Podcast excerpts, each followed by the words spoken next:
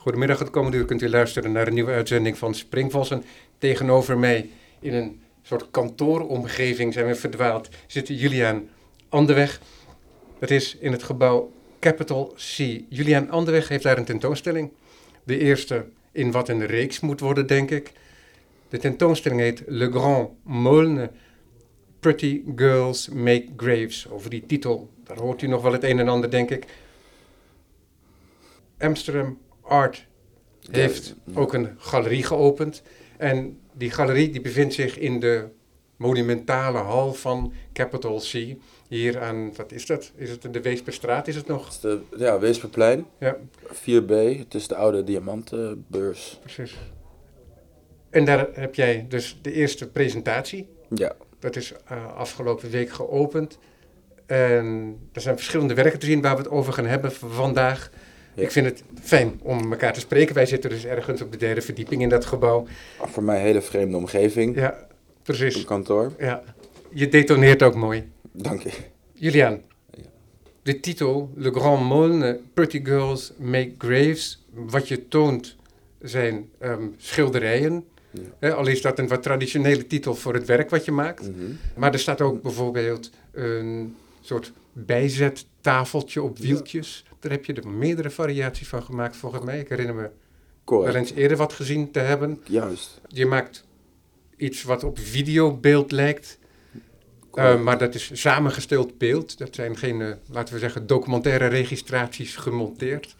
Dus je begeeft je in verschillende media. En als ik zeg dat schilderij een traditioneel woord voor jou is, dan komt dat ook om wat je toont, Hm, hoe ja. je iets toont, maar ook met de materialen die je gebruikt. Het is niet zo dat je bijvoorbeeld met olieverf schildert en misschien gebruik je dat wel eens, hè? Dat, eh, dat, dat zou, kan zo gebeuren, maar als het je uitkomt.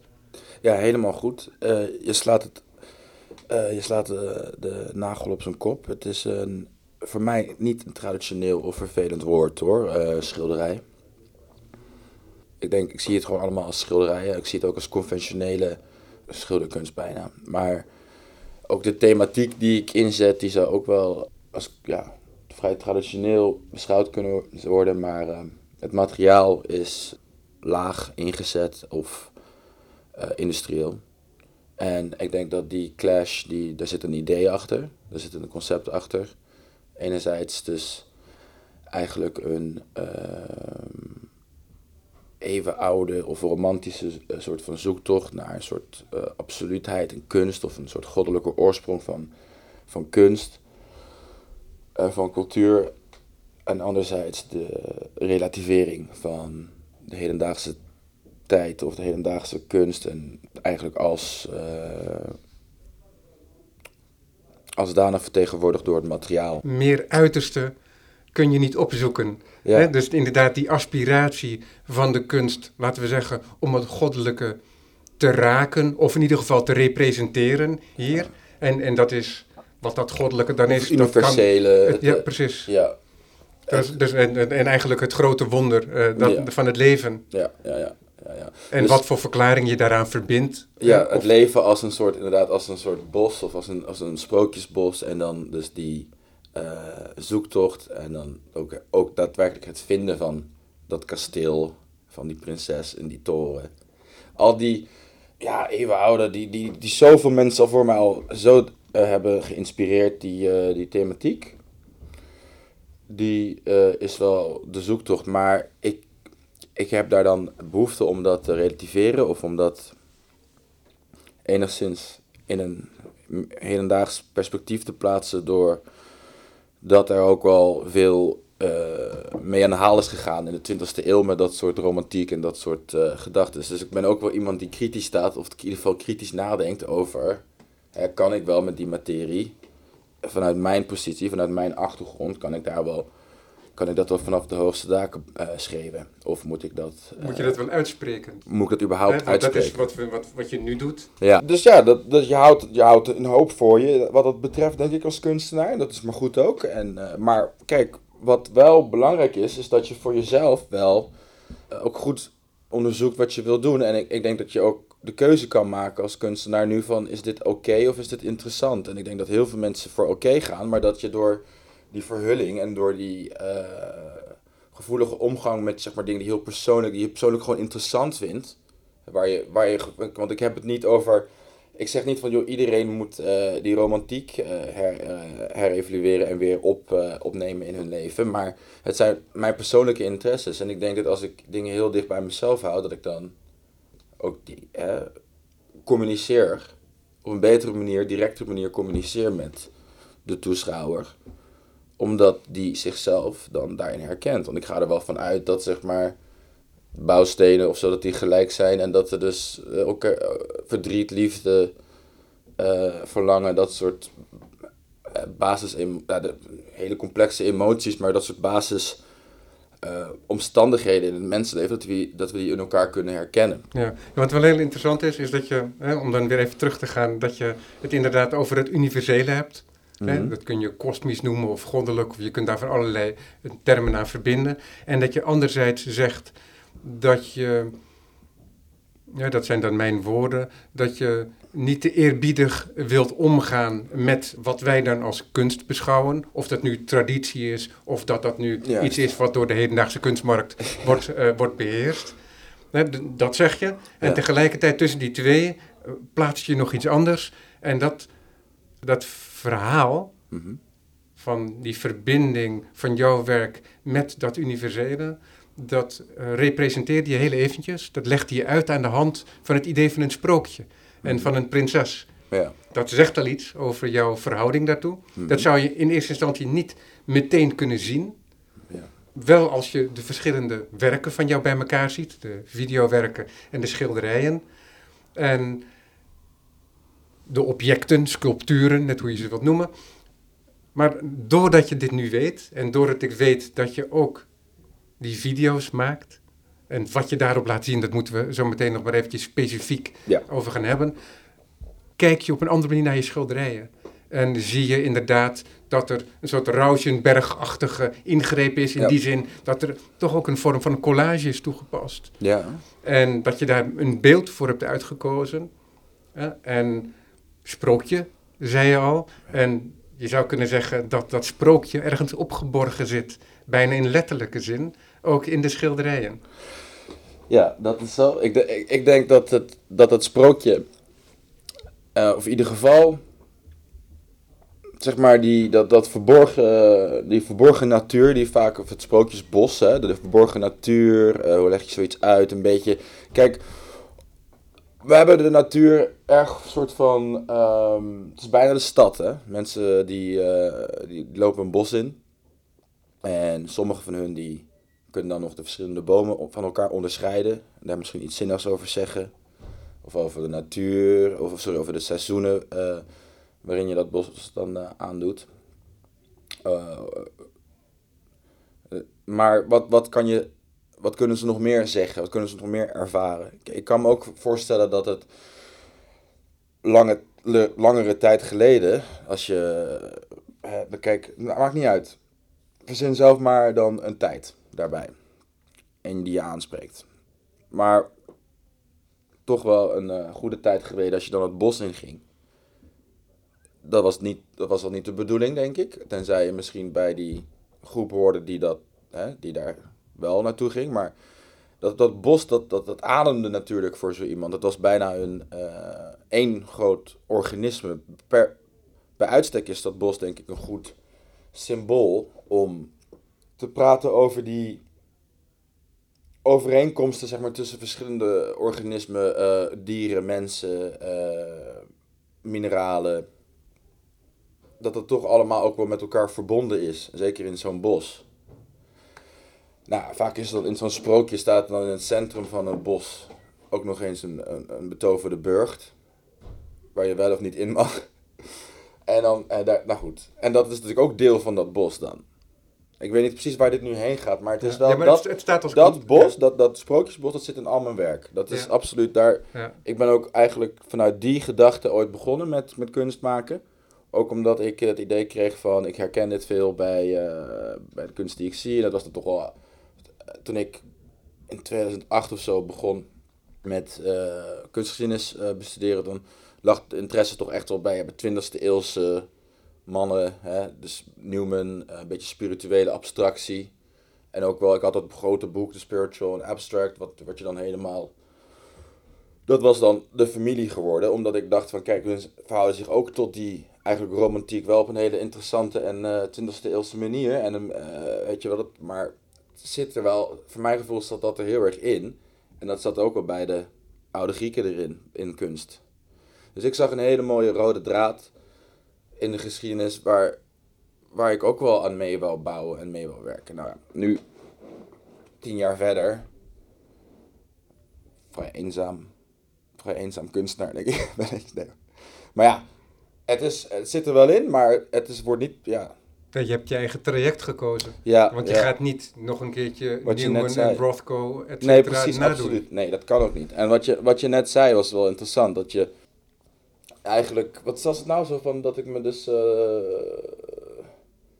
niet comfortabel voelde of zo met het, eh, met om, om, om, om gewoon kunst te maken? Ja, nee, dat, wat ik, want ik eh, noemde je schilderijen, Ja. dat die niet traditioneel aandoen. En dat heeft met materiaalgebruik te maken. Met misschien wel voornamelijk, maar ook met de kleuren bijvoorbeeld die je kiest, de pigmenten die je kiest. Ja. Die, nou op zijn zachtst gezegd, niet natuurlijk zijn, maar duidelijk industrieel eh, zijn. Yes. Met nog een touch of glitter eroverheen, Ja. als een soort stardust. Veel van die kleuren die ik gebruik komen dus wel zeg maar voor in de natuur. Het zijn vaak giftig, Ja, giftige kleuren. oxidatie. Ja, ook dat soort kleuren. dingen, ja. Maar ook, ook eh, kopersulfaat, die hele heldere kleur blauw, heb ik heel veel gebruikt. eh, om- omdat ik ook wel het idee had dat, ondanks die nep, hè, dus ondanks dat het zeg maar autolak betreft of een... eh, ja, gewoon een, een soort van eh, effectlakje voor, voor een finish voor over de auto, wat dan zo helder blauw is. Mensen zien het en die denken, of bijvoorbeeld op sneakers heb je het ook, op Nike eh, schoenen, dat ze dan vinden dat mooi en die hebben daar bijna een soort ontzag voor. Maar kijk, als je aan die auto likt, dan gebeurt er niks. Maar als je, als je zo'n kristal eh, tegenkomt in jouw eh, laboratorium op een dag, en moet je, weet je, daar heb je ook ontzag voor die kleur. Om hele andere redenen. Maar dat is dus iets wat ik heel interessant vind. Om die, die link te leggen tussen dat, dat neppe en dat echte. En tussen zeg maar kopen zeg maar, van een object omdat het een bepaalde glans heeft of zo.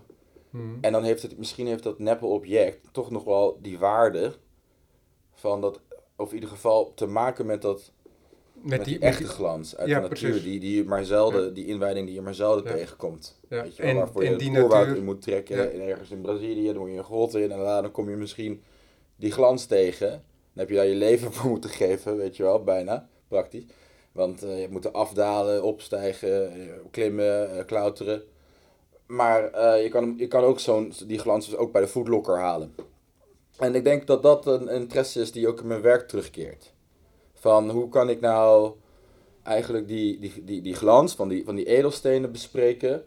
En ook misschien wel de, de, zeg maar de, de romantiek of de, het heel, ja, het heldhaftige van zo'n ervaring. Dat meemaken. Kan je dat, hoe kan ik dat bespreken? Of de volwording van zo'n ervaring. Dat het, ja, dat het belangrijk is of zo. eh, zonder, ja, zonder mezelf zeg maar. eh, ja, kijk, kijk, ik vind dat als je dat wil, als je zeg maar diep de natuur in wilt in deze tijd, moet je jezelf wel, vind ik, gewoon voortdurend checken. En voor de rest, weet je, het is ook wel een weerspiegeling van mijn jeugd, denk ik. Want ik ben opgegroeid in Den Haag, heel veel groen, heel veel natuur, heel veel traditie, volkse cultuur. Dus, weet je, eh, heel erg op elkaar en eh, met elkaar en weinig buitenstaanders.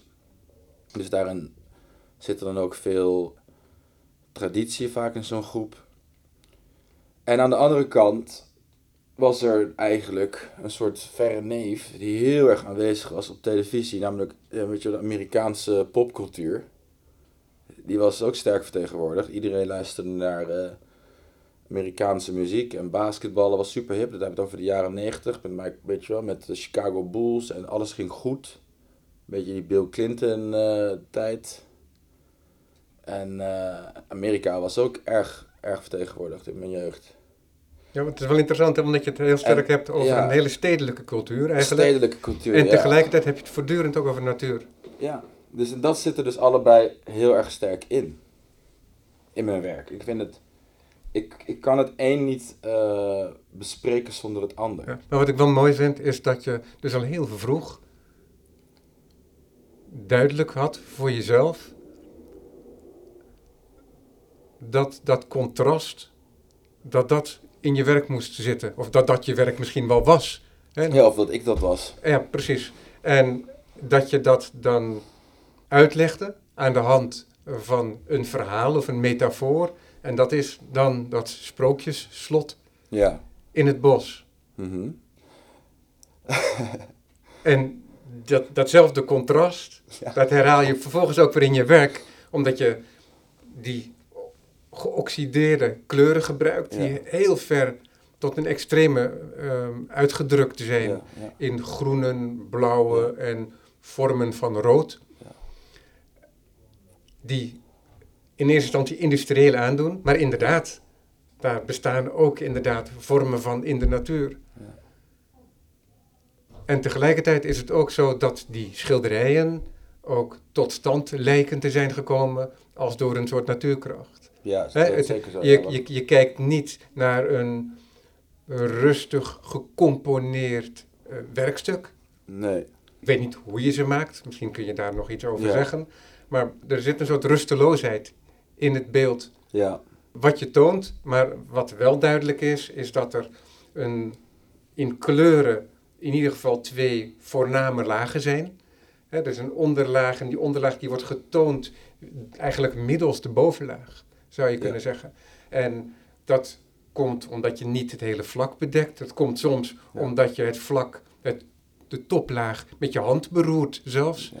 En daaronder weer komt vaak tevoorschijn als een soort grondlaag. Maar ik denk dat je dat ook moet zien als een soort metaforische grondlaag in een verhaal wat je wilt vertellen opeens.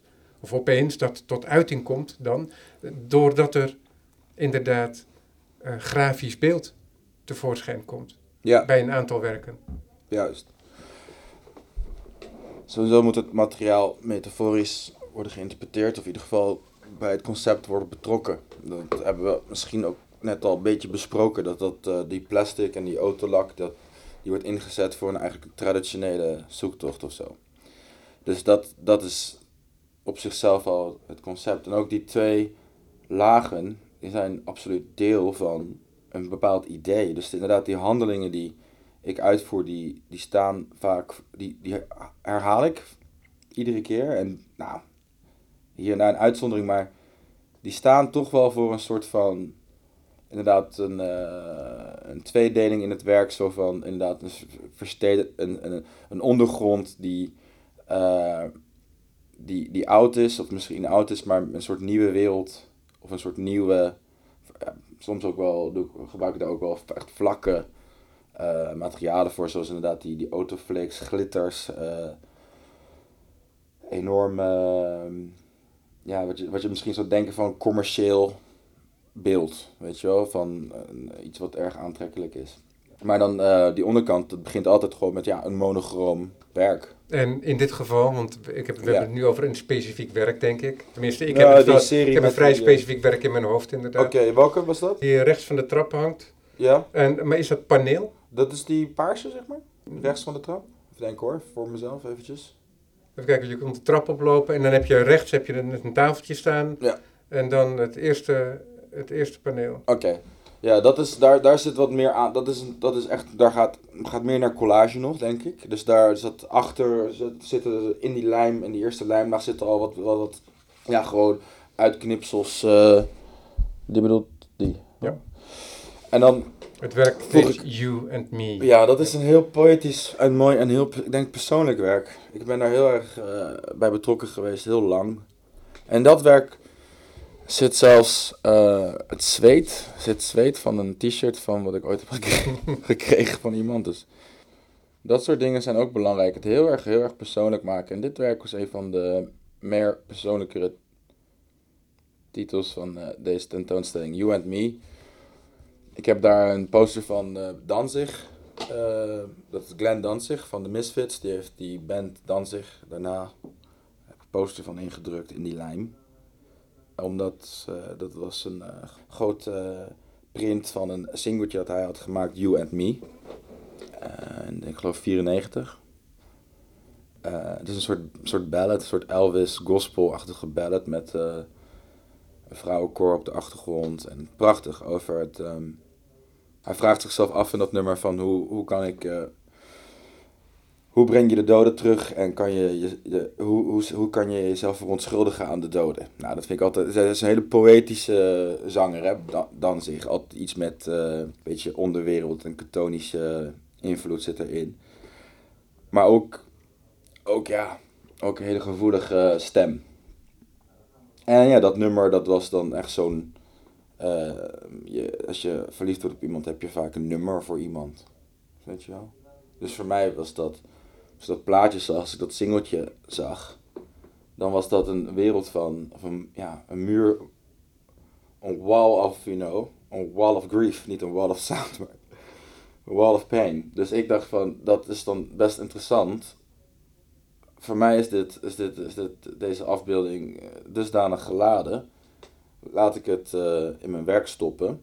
En voor de rest eigenlijk, nu komt het ter sprake, maar dat is niet iets wat ik dan normaal gesproken bespreek, maar gewoon... Je hebt het ook niet als ondertitel aangegeven. Nee, het is dus, helemaal niet. Het is een vertaling en kijk, ik weet, ik weet eigenlijk wel van... Eh, dat, het is voldoende voor mij als, als ik dat weet. Nou, misschien nog de persoon in kwestie, dat hij het een keer ziet ja. in een ja, boek. precies, maar uh, laten we zeggen, de anekdote daarvan, die hoeft niet gekend te worden. Nee, maar, maar het is wel, als je hem hoort, staat wel, zeg maar, het legt wel uit hoe al dat werk wordt gemaakt. Ja. Het zijn vaak gewoon uh, dingen die heel dicht bij me staan en dan met de overtuiging dat dat, ja, communiceert, dat dat Mag ik, woorden... Ik zeg je even stop, want hoe gaat dat in zijn werk? Je, je bent in je studio... Um, heb je dan een soort intuïtie, zo van ik ga nu daaraan werken? Maak je echt een plan voor een dag? Ja. Hoe gaat dat? Maak echt, moet, een, uh, moet goed gepland worden allemaal. Het zijn natuurlijk uh, materialen die lastig zijn om te verwerken. Um, veel moet over een periode van een paar weken komt het vaak binnen. Ik doe, maak alles op wat ik, wat ik, wat ik uh, in huis haal. En materialen zijn dan dus verfsoorten. Epoxy ja. gebruik je ook in sommige lakken. Maar vaak, vaak komen de autolakken, die moeten dan... Ik kom weer uit een ander land dan de flakes. En soms, weet je, dan... Uh, Wat zijn de flakes? Sorry, de glitters of zo. Ja, ja. De auto-industrie, die, je kan het niet echt in Nederland halen. Er zit eentje in Friesland voor de... Voor de zoekers onder ons, die weet je wel, je kan ergens in Friesland kan je hele mooie autolak spulletjes halen, maar voor de rest moet je het uh, uit het buitenland halen. Nou, op een gegeven moment komt alles binnen zorg ik dat de frames, zeg maar, de, de boxen, die heb ik al klaar liggen. En dat zijn eigenlijk de vormen. Dus daar begin je eigenlijk met al te kijken naar van hoe verhouden deze volgende. Ik, is eigenlijk, eigenlijk werk ik een serie in de zin dat het gewoon elke keer wel zes, zeven schilderijen zijn die ik maak naast elkaar. En volgens hoe ik dat dan wil, maakt niet uit. Ik mag zelf beslissen van dat, uh, of dat een serie blijft of niet. Of dat, die, die blijven misschien dan wel bij elkaar, die twee gaan misschien ergens anders heen. Maar die eerste stap zijn dus eigenlijk gewoon ja, witte boxen worden dat dan. En daar kan je dus heel handig al dat formaat bepalen. Maar, heb, maar heb je dan al bijvoorbeeld ook materiaal in de zin van dat je zo'n poster van Danzig, dat je dat al hebt en dat je al weet dat je daar iets mee wilt gaan ja, doen? Ja, ik heb een heel groot archief, zeg maar. Met... Ook met afbeeldingen dus, maar ook met ideeën van je werk dat je bepaalde kleurcombinaties wilt proberen.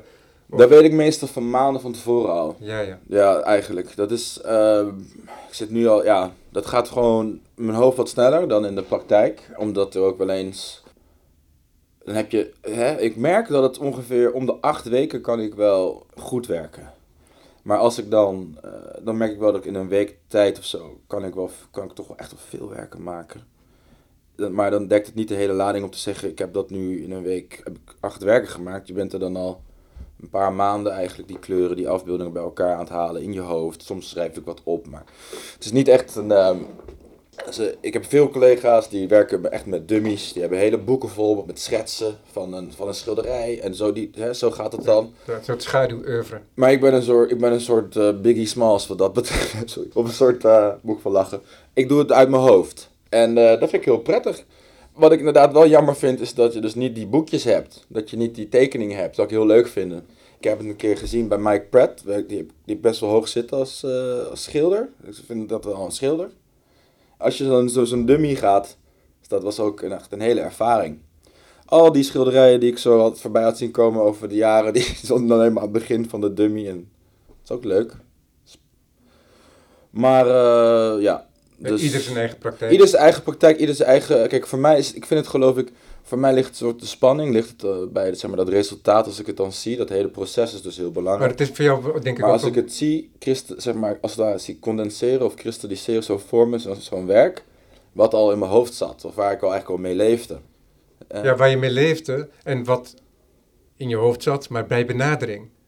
Ja. Want het is niet zo dat jij bijvoorbeeld een motief hebt mm en dat je al weet hoe je dat gaat uitvoeren. Nou, ik weet wat mijn materiaal doet. Je, je, ja, precies. En je weet misschien iets in welke kleuren je tegenover elkaar wilt stellen en dergelijke. Ja. Maar je weet, maar het is er nog niet. Ja. Hè? Want, Je, want je zou kunnen zeggen dat bij zo'n Mike Pratt het werker op een bepaalde manier eigenlijk al is. Die, heeft al een, Die, die heeft al een soort voorverschijning. Ja. En, maar, en bij jou is het een intuïtie. Ja. Een intuïtie die wel, in, in, ingevoerd is door bepaalde kennis. Van materialen, van bepaalde motieven. Misschien een idee, een, misschien een verhaal. Precies. En dat is voor elk werk misschien weer anders. En is het dan ook zo dat die werken die dan tegelijk tot stand komen, jij zegt ja, dat is, die haal ik ook uit elkaar. Dat hoeft niet per definitie bij elkaar getoond te worden. Ja. Ze zijn wel gerelateerd aan elkaar. Absoluut. Omdat de een een contrast kan vormen van een ander bijvoorbeeld, kan ik me voorstellen. Dat, dat, maar ook ze zijn op dezelfde, in dezelfde week gemaakt. Ze hebben dezelfde astrologie, bij wijze van spreken. De, ehm, wat veel gebeurt is dat als ik terugkijk, zo over de laatste vijf jaar of zes jaar, wat kan ik nou echt helder voor, ja, zeg zes jaar, dan het zijn altijd eigenlijk families die bij elkaar ontstaan. Maar waarom ze ook uit elkaar gaan, waar ik er soms twee zeg maar weghaal of dan even achterzet en even niet laat zien en dan weer bij de volgende groep betrek, is omdat ook, en dat is hier ook deze tentoonstelling een goed voorbeeld van. Als je ze, ik kan wel denken van dit, is, dit hoort bij elkaar en het hoort ook wel bij elkaar. Kijk, het komt uit mijn mens, uit mijn uh, hoofd. Uh, wordt onder mijn naam ook de wereld ingestuurd. Dus als het op een gegeven moment af is, dan zie ik dat en dit hoort bij elkaar, want dit is allemaal in één week gemaakt. Maar het is natuurlijk ook zo dat de dingen die ik een paar jaar geleden maakte, of een paar maanden geleden heb gemaakt, die, die horen daar ook bij. Die komen ook uit mij. Ja, ze hebben wel een andere week of zo, of een ander productieproces gekend. Maar het is heel goed om die dingen dan toch, of de schilderijen toch bij elkaar, of de werken bij elkaar te gaan zien, die niet in dezelfde periode zijn gemaakt. Dat is hier dus ook gebeurd. Dat was een, echt voor mij een, uh, ja, maar goed om te zien een keer. Want het is altijd maar vooruit en vooruit. Uh, ik denk dat dat ook te maken heeft met een soort van jonge kunstenaar zijn, een beginnend kunstenaar zijn. Dat je iedere keer een tentoonstelling maakt en iets nieuws wilt maken. Maar het is in ieder geval dan in je atelier, dat, dat zal ik echt tot mijn mond, uh, tot ik helemaal geen speeksel meer over heb, adviseren. Zorg dan voor dat je af en toe hele oude spulletjes weer eh, gewoon bewaar dingen en plaats het ook naast elkaar. Want je, bent, je probeert natuurlijk iets te zeggen, maar om dat zelf ook goed te blijven interpreteren, wat, wat, wat je zegt, denk ik dat je ook stil dus, moet staan. Ja, precies. Het is een soort controlemoment. Ja. Dat je kunt zien of je niet van je pad bent afgeweken. Ja, dat, ja, dat zeg je goed. Het is een. Uh, ja. Je bent natuurlijk niet. Je, bent, je verandert zelf ook. En... Dat maken. Want je zegt, ik moet op mijn materialen wachten. Dus op het moment dat het er is, dan weet je, nu kan ik aan het werk. Hè? Dus we hebben het nu altijd over je schilderijen. Want het is niet zo dat je in die andere periode alleen maar in je hoofd zit te dromen van nieuw werk. Mm maar dan komt het werk bij elkaar en dan zeg je, ik maak altijd het materiaal dat ik binnenkrijg. Ja. Dat gebruik ik helemaal op. Helemaal. Ja. ja. En dat doe ik ook met mijn spuitbussen. Het is een soort, uh, misschien een beetje een, uh, running gag. Dat ik het, uh, ik vind het fijn. Maar gebeurt het je ook wel eens dat het dan op is terwijl je nog door Helemaal. Het gebeurt dus wel eens dat, dat het op is. Of dat het bijvoorbeeld te veel is dat dan op het doek komt. Maar dan, ik blijf, dat, dat doe ik toch. Ik spuit hem toch helemaal leeg. Dus dan, ik, het is een beetje een, eh, eh, de combinatie van een, een soort gier Nederlandse zuinigheid of zo. En ehm, ja, wat nog meer, een, Maar ook- obsessief gedrag. Maar ook plezier. en denk ik. plezier, ja. Van, eh, van En ik kan nog verder. Ik, ik kan enorm genieten van zeg maar, die laatste speurtjes uit zo'n eh, busje. Van zo'n spuitbusje. Ik vind het ook heel prettig om gewoon met spuitbussen te werken in plaats dat, van dat een, vind een ik heel interessant, omdat je dan heel erg vanuit, laten we zeggen, de, de performance van het maken, Mhm. dat je daarin helemaal opgaat. En dat je daar heel erg van geniet. Ja. Ik kan me voorstellen dat je, terwijl je bezig bent en terwijl bijvoorbeeld de spuitbus nog niet leeg is, Ja. en dat jij het werk ziet ontstaan, hè? dat heb je wel eens, dat een werk, dat het onder je handen, Mhm. dat het opeens materialiseert. Dat het materialiseert en dat het een beeld wordt. Ja, je hebt werken die zijn gelijk af. En dat, zijn, dat, dat is ook bijna 80% van mijn werk. En die werken waar je dus echt zo helemaal, hè, met tot dat laatste beetje met die spuitbussen en nog een keer een beetje schuren. Dat zijn andere werken. Die kristalliseren op een hele andere manier af. Maar dat is zo'n soortgelijke ervaring. Dat je gewoon tegelijk, je ziet het. Dit is, dit is nu af. En gisteren was het nog heel, was het heel problematisch. Weet je wel, ik kon er niet, kan je er bijna niet naar kijken. Maar dan ga je toch door. Op een gegeven moment zet je ook weer, gaat weer eventjes op nul het verstand. En dan ben je gewoon een beetje aan het eh, pielen. Maar er zijn ook werken, en daar kan ik enorm van genieten. Ik vind het belangrijk dat, het- allebei gebeurt. Dan trek ik als het ware mijn mal eraf. Eh, want ik, ik werk met een soort contramal systeem. Ook met wel vaak met die eh, vlakken werken, met, eh, met die eh boxwerken. Niet alleen maar met de gecorreleerde, of zeg je dat, niet alleen maar met die zigzag monochromen. Met de geplooide, verticaal Ja, geplooide een soort, harmonica eh, Ja, eh, maar ook met, schilderij. ook met die dozen, dan, soms dan ligt dat in een soort contramal. Dat kan eh, heel simpel zijn. Dat kan een, eh, een stuk zeil zijn, die maal. Of een, eh, in mijn, eh, ik gebruik ook vaak bubble wrap daarvoor. En als je dan, eh, dan heb je dus, dan heb je het gisteren bijvoorbeeld eh, in natte toestand achtergelaten in die maal. En dan trek je in één keer zo, wappa, met, met een beetje kracht moet dat natuurlijk, want het zit goed vast aan elkaar. Trek je zo, die maal eraf. En dan is dus die, hè, die autolak en die, eh, die glitters en zo, die zijn in één keer heel mooi, ja, zeg je dat, uitgehard. En dan staat er in één keer dus van een soort natte gliedertoestand wat je gisteren hebt achtergelaten. Zo'n, bijvoorbeeld zo, dit werk wordt zo gemaakt, weet je wel. Best wel een, ja, je denkt Ja, van, ja, ik heb hier wat fotootjes Ja. inderdaad. ehm, en Maar daardoor- daarop staat dan het werk waar je naar wijst. why the big paws? Why the big paws. Ja, why the big paws? Dat is een heel, ja, is een grap hè. Dat is van, eh, a guy walks into, a, ba- of a bear walks into a bar. He says I'm having a drink. And a shot of whiskey. En dat is dus die pauze. En dan zegt de bar, barman dus zo van, why the big paws?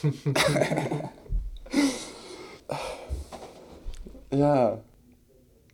Dus dat is, dat is een werk, dat, de Why the Big, Why the Big Paws, dat verhaal, dus echt allemaal een beetje in die periode toch ook wel met liefdesverdriet en dergelijke van. En die titels dan? Ja, dus die titels die gaan van, dat zijn dat Why the Big Paws is echt een vraag aan een, een persoon die, die nu op dit moment in mijn hoofd heel erg spookt. En, eh, maar op dit moment, zeg maar, het meisje waarop ik verliefd ben, heb ik al een tijdje geen contact meer mee, woont heel ver weg.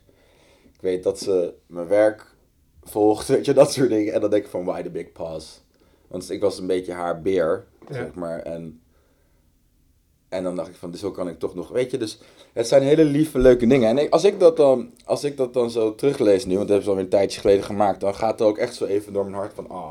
Dus dat zit, ik heb in ieder geval, ben in ieder geval erg betrokken bij mijn werk, door Ja. dat soort dingen erin kwijt te kunnen. En dat heeft ook wel een, een noodzaak, want ik denk dat het op een gegeven moment werd het, voor mijn gevoel, toch iets te, iets te conceptueel, iets te serieus allemaal en iets te verheven boven mijn, e- mijn echte toestand, zeg maar gewoon mijn, mijn leven zoals dat was, zoals ik dat graag invulde op een dag. Dus dat, toen kwam dat, dat relativeren, wat, wat ik al wel had, wat al echt een deel was van het concept, van er moet eh, popcultuur in, in die romantiek tussen haakjes. Maar toen, ik denk, het is het 2018, begin 2018 is dat weer helemaal herbevestigd, ook door een soort van, eh, dat, beetje het gevoel. Elke keer dat jezelf checken van loop ik niet naast mijn schoenen, ben ik, wel, ben ik nog wel kritisch genoeg naar mezelf Ja. en, en naar mijn werk. En naar mijn thematiek. Bedoel je dan dat je jezelf in een hoek schilderde? Hmm, ja, eigenlijk wel. En ehm, In, een als- hoek, als- in, een, in, een, ja. in een hoek waar je ook niet wil zijn. Nee. nee, want kijk, als de indruk, hè, wij kennen elkaar niet goed. We hebben Nee. elkaar één keer een hand gegeven. Ja, En we zitten nu een half uurtje tegenover elkaar. We hebben een indruk van elkaar. En de indruk die jij me geeft is dat je ook vrij rusteloos bent. Heel energiek. Hè? Als je me een hand geeft, dan geef je echt een big paw. Maar, en het is heel mooi dat je toch ook een soort concentratie en een soort rust hebt in je hoofd. Hè? Die mensen niet misschien direct met jou zouden verbinden, die rust. Nou, Nou, je bent, je bent heel levendig. En, eh, en je, als je over je werk gaat praten ook, dan komt er ook heel veel energie vrij. En dat is passie ook. Hè? Ja. Dat betekent ook datgene wat er nu gezegd wordt, dat gaat over wat er is. Maar die energie, die gaat ook over wat er nog moet komen allemaal. Ja. Wat je allemaal nog moet maken. ja, klopt. Ja, dus dat soort contrasten, die spelen ook in jouw karakter dan een rol. Mhm. En wat er ook heel mooi is, in dat het werk, zou je kunnen zeggen, dat heeft zijn luidruchtige kanten. Mhm, Ja. Maar het heeft ook zijn tedere kanten, zoals je zojuist aangeeft. Mhm. En heel innerlijk. Ja. En ergens op dat moment dat je zegt, dat je zojuist aangaf, ja, het werd misschien te conceptueel, is dat in iets in dat complexe mengsel, hè, waarvan ik eventjes wat elementen heb geprobeerd aan te geven in jouw persoonlijkheid en in je kunstpraktijk. Hè, er, er waren een aantal zaken die daar geen deel meer van uitmaakten, van dat mengsel. Ja, het idee, of het, maar het concept, dat, was, dat, dat raakte dus verwijderd van gewoon hoe ik mijn dagelijkse dag in, wou invullen. Of Ja. ik- en ik denk dat, dat ik dat bedoel met het werd te conceptueel. In de zin van, dat het concept dat ging steeds verder van mijzelf afstaan. En zeker als je als je je zeg maar in het leven, als je moeilijke periodes tegenkomt of periodes van depressie en zo, dan kan je ineens heel veel steun krijgen uit een knuffel of een, ehm, ja, iets simpels, iets, iets wat je als een afbeelding, een, een aanzichtkaartje. Dus ik dacht van het is ook belangrijk om die, die aanzichtkaartjes en die, hè, die, ja, die, die hele, ja, die soort van simpele dingen die, die je dan er doorheen halen, toch in plaats om die er ook gewoon in te krijgen, omdat ik ervan overtuigd was dat mensen daarmee eh, zich kunnen identificeren. In Ja. de zin van, ik heb zelf ook, eh, iedereen heeft wel eens verdriet of eh, denkt wel eens terug aan zijn kindertijd. Of iedereen heeft al op een bepaalde vorm een traumatische periode gekend. Als je iets meer van dat toelaat, dacht ik, dan... Het is een zoektocht naar eerlijkheid, denk ik. Ja, ik denk dat, het, ik denk dat goede kunst, dat dat niet alleen een, dat, je leest wel eens van dat het een illusie is, maar dat het ook iets moet laten zien of iets moet. maar ik denk dat, het, dat ik heel erg op zoek ben naar, gewoon naar, naar een eerlijke verhouding tot, tot de toeschouwer en eh, tot die kunstgeschiedenis Ja, ook. ja, en je wilde niet dat het een idee zou zijn alleen maar. Ja, ja, ja. ja dicht Ja. bij mezelf en daardoor ook dicht bij, bij de kunst. Le Grand Monde, dat is Mhm. een roman. Ja. Een hele bekende roman. Volgens mij 1913, 1914 Ja, klopt. of zo. Van Alain Fournier. Alain Fournier die publiceert het boek bij zijn leven nog volgens mij. Mm. En vervolgens komt hij om in de loopgraven van de Ja. Eerste Wereldoorlog. Ja, 22 jaar oud denk ik. ja. En dat boek, dat wordt een groot succes. Zeer groot succes. Ja. Maar ik weet, het is, het, is het nu nog, weet niet, onder mijn generatie wordt het minder gelezen dan die Ja, van maar het is denk ik toch een van die de grote boeken hè, die die moeilijke periode van de adolescentie beschrijven. Ja, Hè, en waarbij de eerste confrontatie met de grote wereld er is. Er zijn er een aantal beroemde voorbeelden van. Ja. In de Amerikaanse cultuur zou je denken aan Catcher in the Rye, denk ik, Ja, ja. van Salinger. Salinger. En ik denk in Frankrijk inderdaad in de pre-pop-periode, in het voor eh, de Tweede Wereldoorlog althans, Mhm. waar Challenger het product van is, zou je kunnen zeggen, Mhm. Heb je Le Grand Monde. En een boek dat ook wel in het Nederlands vertaald is geweest, een aantal keer denk ik. En Ja. wat toch een belangrijk boek is in helemaal in, in die omgeving. En dat beschrijft het leven van eigenlijk een avontuur van met name één jongen Ja. en een vriendschap die hij heeft met een andere jongen. En Een jongen waar hij eigenlijk indruk op wilt maken, geloof ik. ik, ik heb het ooit gelezen, maar dat is lang geleden, is dat kostschooltoestand. Ja, hij gaat naar een klein dorpje, komt daar eh, een stoere jongen tegen, de, die, die hem een beetje pest, een beetje plaagt. Trekt dat, en op een gegeven moment trekt hij dat bos in, vindt hij dat eh, betoverende bos, gaat daarover verhalen bij dat vriendje en dan gaan ze samen op pad. Maar ehm, voor mij is dat ook altijd een beetje de vraag van, of de vraag, wat speelt er in het hoofd af van het hoofdpersonage en wat niet.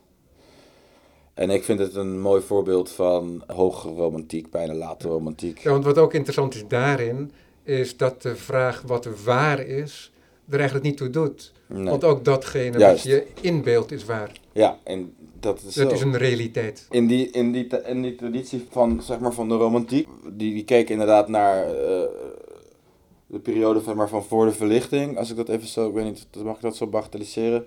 Als een periode waarin zeg maar, de gedachten en de, eh, de- hè, dat, dat, dat de scheikunde nog een beetje deel uitmaakte van, eh, van, de, van religie, van spiritualiteit en alles nog wat meer.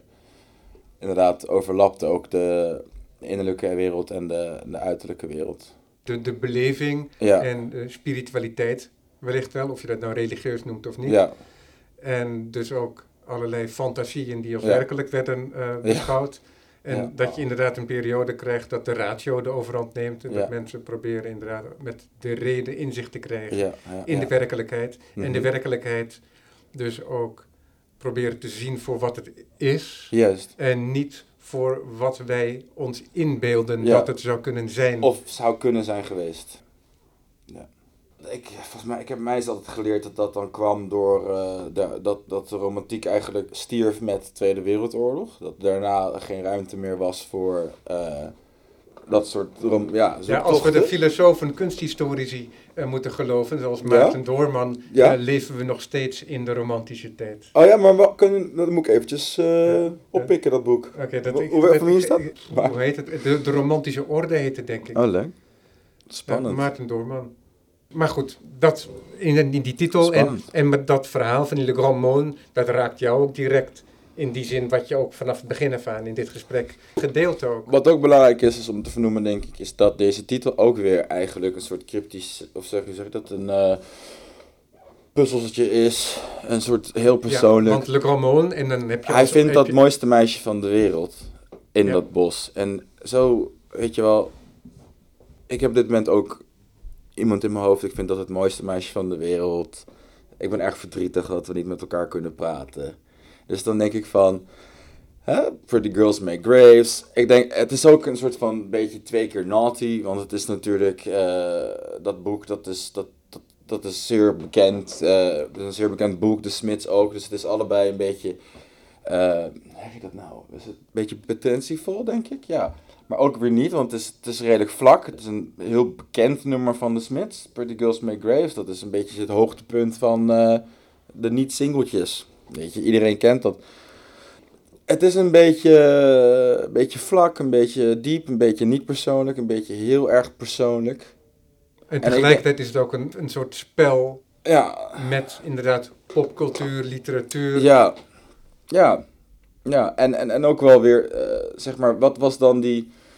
Wat is nou als het ware die, die, die graal die in dat nummer of in dat oeuvre van de Smit zit? Of dat, eh, wat is die verborgen, ver- verborgen eh, waarheid in, of de, of de waarheid in Le Grand? En, en, en wat vind ik daar zelf van? Ik zie heel veel kracht in gewoon dingen bij elkaar zetten die, die ogenschijnlijk niet bij elkaar horen. En er zit ook, wat is het? Dit is, dit is 1913 en dit is 1983. Zoals er zitten, zitten allerlei gebeurtenissen tussen. En dan denk ik, het is toch interessant om die twee naast elkaar te zetten. En dan te zeggen van, nou, nu is het ook niet meer dat boek. Het is niet meer de titel van dat boek. Het is ook niet meer de titel van dat popliedje. Maar samen zijn ze nu de titel van mijn tentoonstelling. En die kunnen dan hun licht laten schijnen op het werk dat jij daar verzameld hebt. Precies. Ja, dus ook wat je niet, je wilt niet alles zeggen. Uh, je kan, moet dingen voor jezelf houden zo nu en dan. Want als ik het wel zou kunnen zeggen, en als ik het wel wens had om dat allemaal te delen, had ik ook wel waarschijnlijk geen beeldend kunstenaar geworden. Dus ja. had ik waarschijnlijk uh, liedjes gaan schrijven of een boek, korte verhalen of uh, spoken word. Snap je? Ik bedoel, je, je gaat voor, uh, voor abstractie en voor mysterie. Als, je, als dat je aanspreekt en als dat misschien ook wel deel uitmaakt van datgene dat je wilt zeggen. We hebben het nu over je schilderijen gehad. We hebben het gehad over hoe je werkt en hoe je denkt aan je werk en over je werk. En ook hoe je je werk probeert te denken voordat je het gaat maken. Ja. Die video's, wat voor positie neem je die daarin? Want we hebben het gehad over die schilderijen en die hebben een industriële uitstraling, maar tegelijkertijd zit er ook een hele persoonlijke energie in. Die video's, die zijn materieloos. We hebben het scherm en vanuit dat scherm komt er een beeldsequentie. En daarin komen we in een hele andere omgeving. Alles is helemaal af, zou je kunnen zeggen. ik denk dat het, het zou afver kunnen. Weet je wel, je zou die afbeeldingen. Je zou ervoor kunnen betalen, denk ik. Kijk, ik, het is allemaal gewoon een beetje bij elkaar geraapt, hè, die video's. En dat vind ik erg mooi eraan. Het zijn stock images die met uh, stock effect zijn behandeld. Dus even hoe kan je dat uitleggen? Het zijn eigenlijk gevonden, kan ik zeggen, gevonden afbeeldingen die met gevonden effecten daarna worden behandeld. Ja, ja, dus laten we zeggen dat het ook weer een soort ehm, materiaal is. Laag materiaal. En, en, en commercieel materiaal. Juist. Dus iets... Um, Cheap, goedkoop. Precies. Uh, ja, industrieel als het ware. Ja, en inwisselbaar. Inwisselbaar, juist. Dat is ook belangrijk. Niet zonder het, chemische... Het, idee van, het idee van een stokbeeld is ook juist dat het inwisselbaar is. Universeel, maar op een andere manier universeel dan waar we het mm. tot dusver over mm. gehad hebben. Ja. Want het mhm. is, eigenlijk zijn het bijna leeggelopen beelden die wel iets, nog iets representeren, maar het zijn... Juist. Het zegt meer iets over een tijd. Het begon met een serie Walkuren. Was, uh, die, die serie die heb ik ook getoond oh, even kijken, bij de Rijksacademie 2016 of 17, tweede jaar daar serie van uh, gevonden modeadvertenties van verschillende hele grote modehuizen.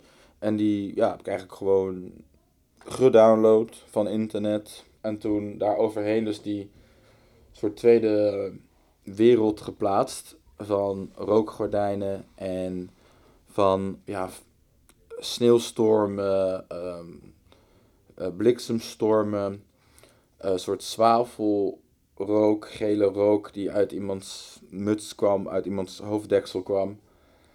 Dat ging er echt toen nog om een soort van die, een soort van die Noorse mythologie van de Walkuren eigenlijk. De hele romantische, hele romantische thematiek.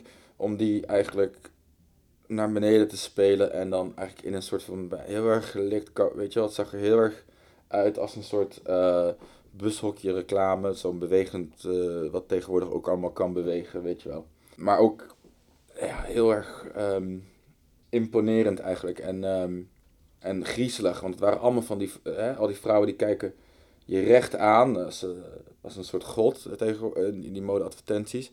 Maar om dat dan te animeren en ook vooral omdat het dus een stilstaand beeld was, eigenlijk een leeg beeld maar door die tweede laag, door die, die, die, die rook en die, uh, die zwavel en, die, uh, en dat vuur en die, en die sneeuwstormen, ijsstormen die eromheen waren geprogrammeerd, werd dat lege beeld eigenlijk een soort geanimeerd. En leek het wel alsof ze je echt aankeken. Ik denk dat dat, dat was dus, daar zat dus ook al heel erg zo die, van oké, we gaan het hebben over Noorse mythologie, maar we gaan dan wel Franse modehuizen en uh, ja, een soort van bijna Hollywood-achtige animaties daar, daarin krijgen. Omdat dan, ja, ik vind het, kan ook een bronzen beeld of een uh, marmeren beeld van, uh, van Freya maken. Maar dat, is, dat, is, dat mhm. kan niet. Dat doe je niet. Dat vind ik dat dan. Snap je? Dat vind ik, het ligt mijn interesse niet. Ja, ik moest ook een beetje even denken aan Willem de Koning. Die heeft toen hij volgens mij zijn Woman One maakte. Ja, de, ja, eerste, de eerste figuratieve schilderij dat hij weer maakte. Ja. Ehm, daar heeft hij eh, volgens mij anderhalf jaar aan gewerkt.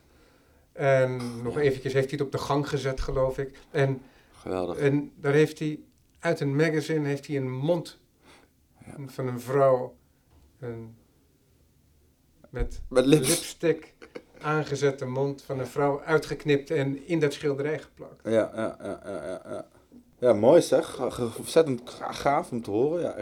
Die eh, handeling is natuurlijk best wel eh krachtig. Heerlijk om te doen, kan ik je vertellen. Weet je, zo'n dikke. eh, in zijn geval zou het olieverf zijn geweest. In mijn geval dan dikke laag lijm. Pasteuze lijm. En dan zo lekker.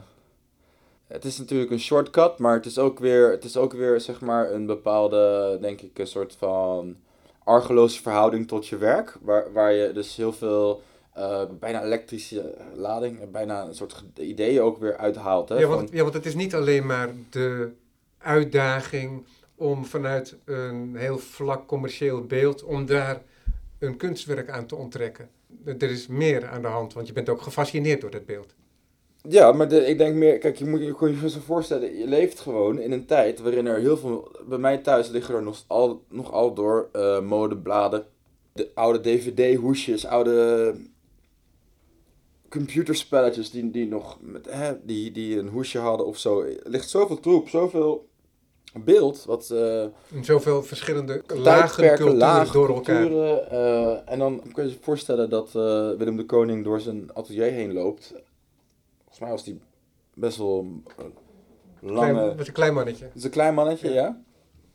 Ja, kan me gewoon... En dat je gewoon... Je, je, je ziet die dingen liggen en je, je, dat je even uitstaat. Dat je hoofd eventjes er niet helemaal bij is, maar je, maar je bent er nog wel mee bezig.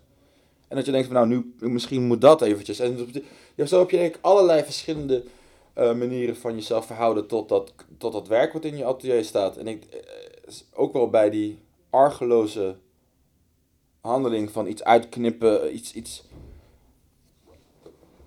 ja, mateloos fascinerend. Ook, maar ook bijvoorbeeld het eh, tekenen in een tijdschrift is iets heel cool, iets heel moois. En da- daar kwamen die videowerken eigenlijk wel een beetje vandaan. Ik zat in een, eh, in, een trein van eh, Parijs naar Amsterdam en ik had al die bladen weer gekocht daar. En toen zat ik op een gegeven moment een beetje te tekenen in die, op die, op die vrouwen hun gezicht en daaromheen en alles. En ik zat te bellen, ik weet nog, en ik keek naar beneden en ik was vergeten dat, was geloof ik vergeten dat ik, eh, dat had ingetekend, ingekleurd, een van die afbeeldingen. En daar schrok ik er dus heel erg van. Ik keek naar beneden en ik schrok van mijn eigen tekening.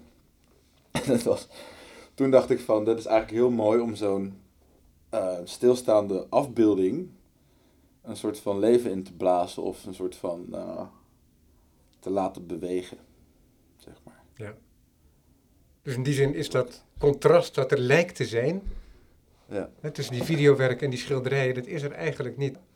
Dat Nee. de indruk. Dat Nee. is een soort doorlopende Zeker. Het, zit echt- wereld. het is bijna een, eh, een regel voor mij dat er dus die twee werelden, van aan de ene zijde dus die hele, die hele bekende zoektocht van eh, een soort absoluut gegeven in kunst, of een soort van zoektocht naar goddelijke in de mens, of de vereniging, universele overeenkomsten tussen mensen, tussen, maar ook mens en dier, mens en natuur.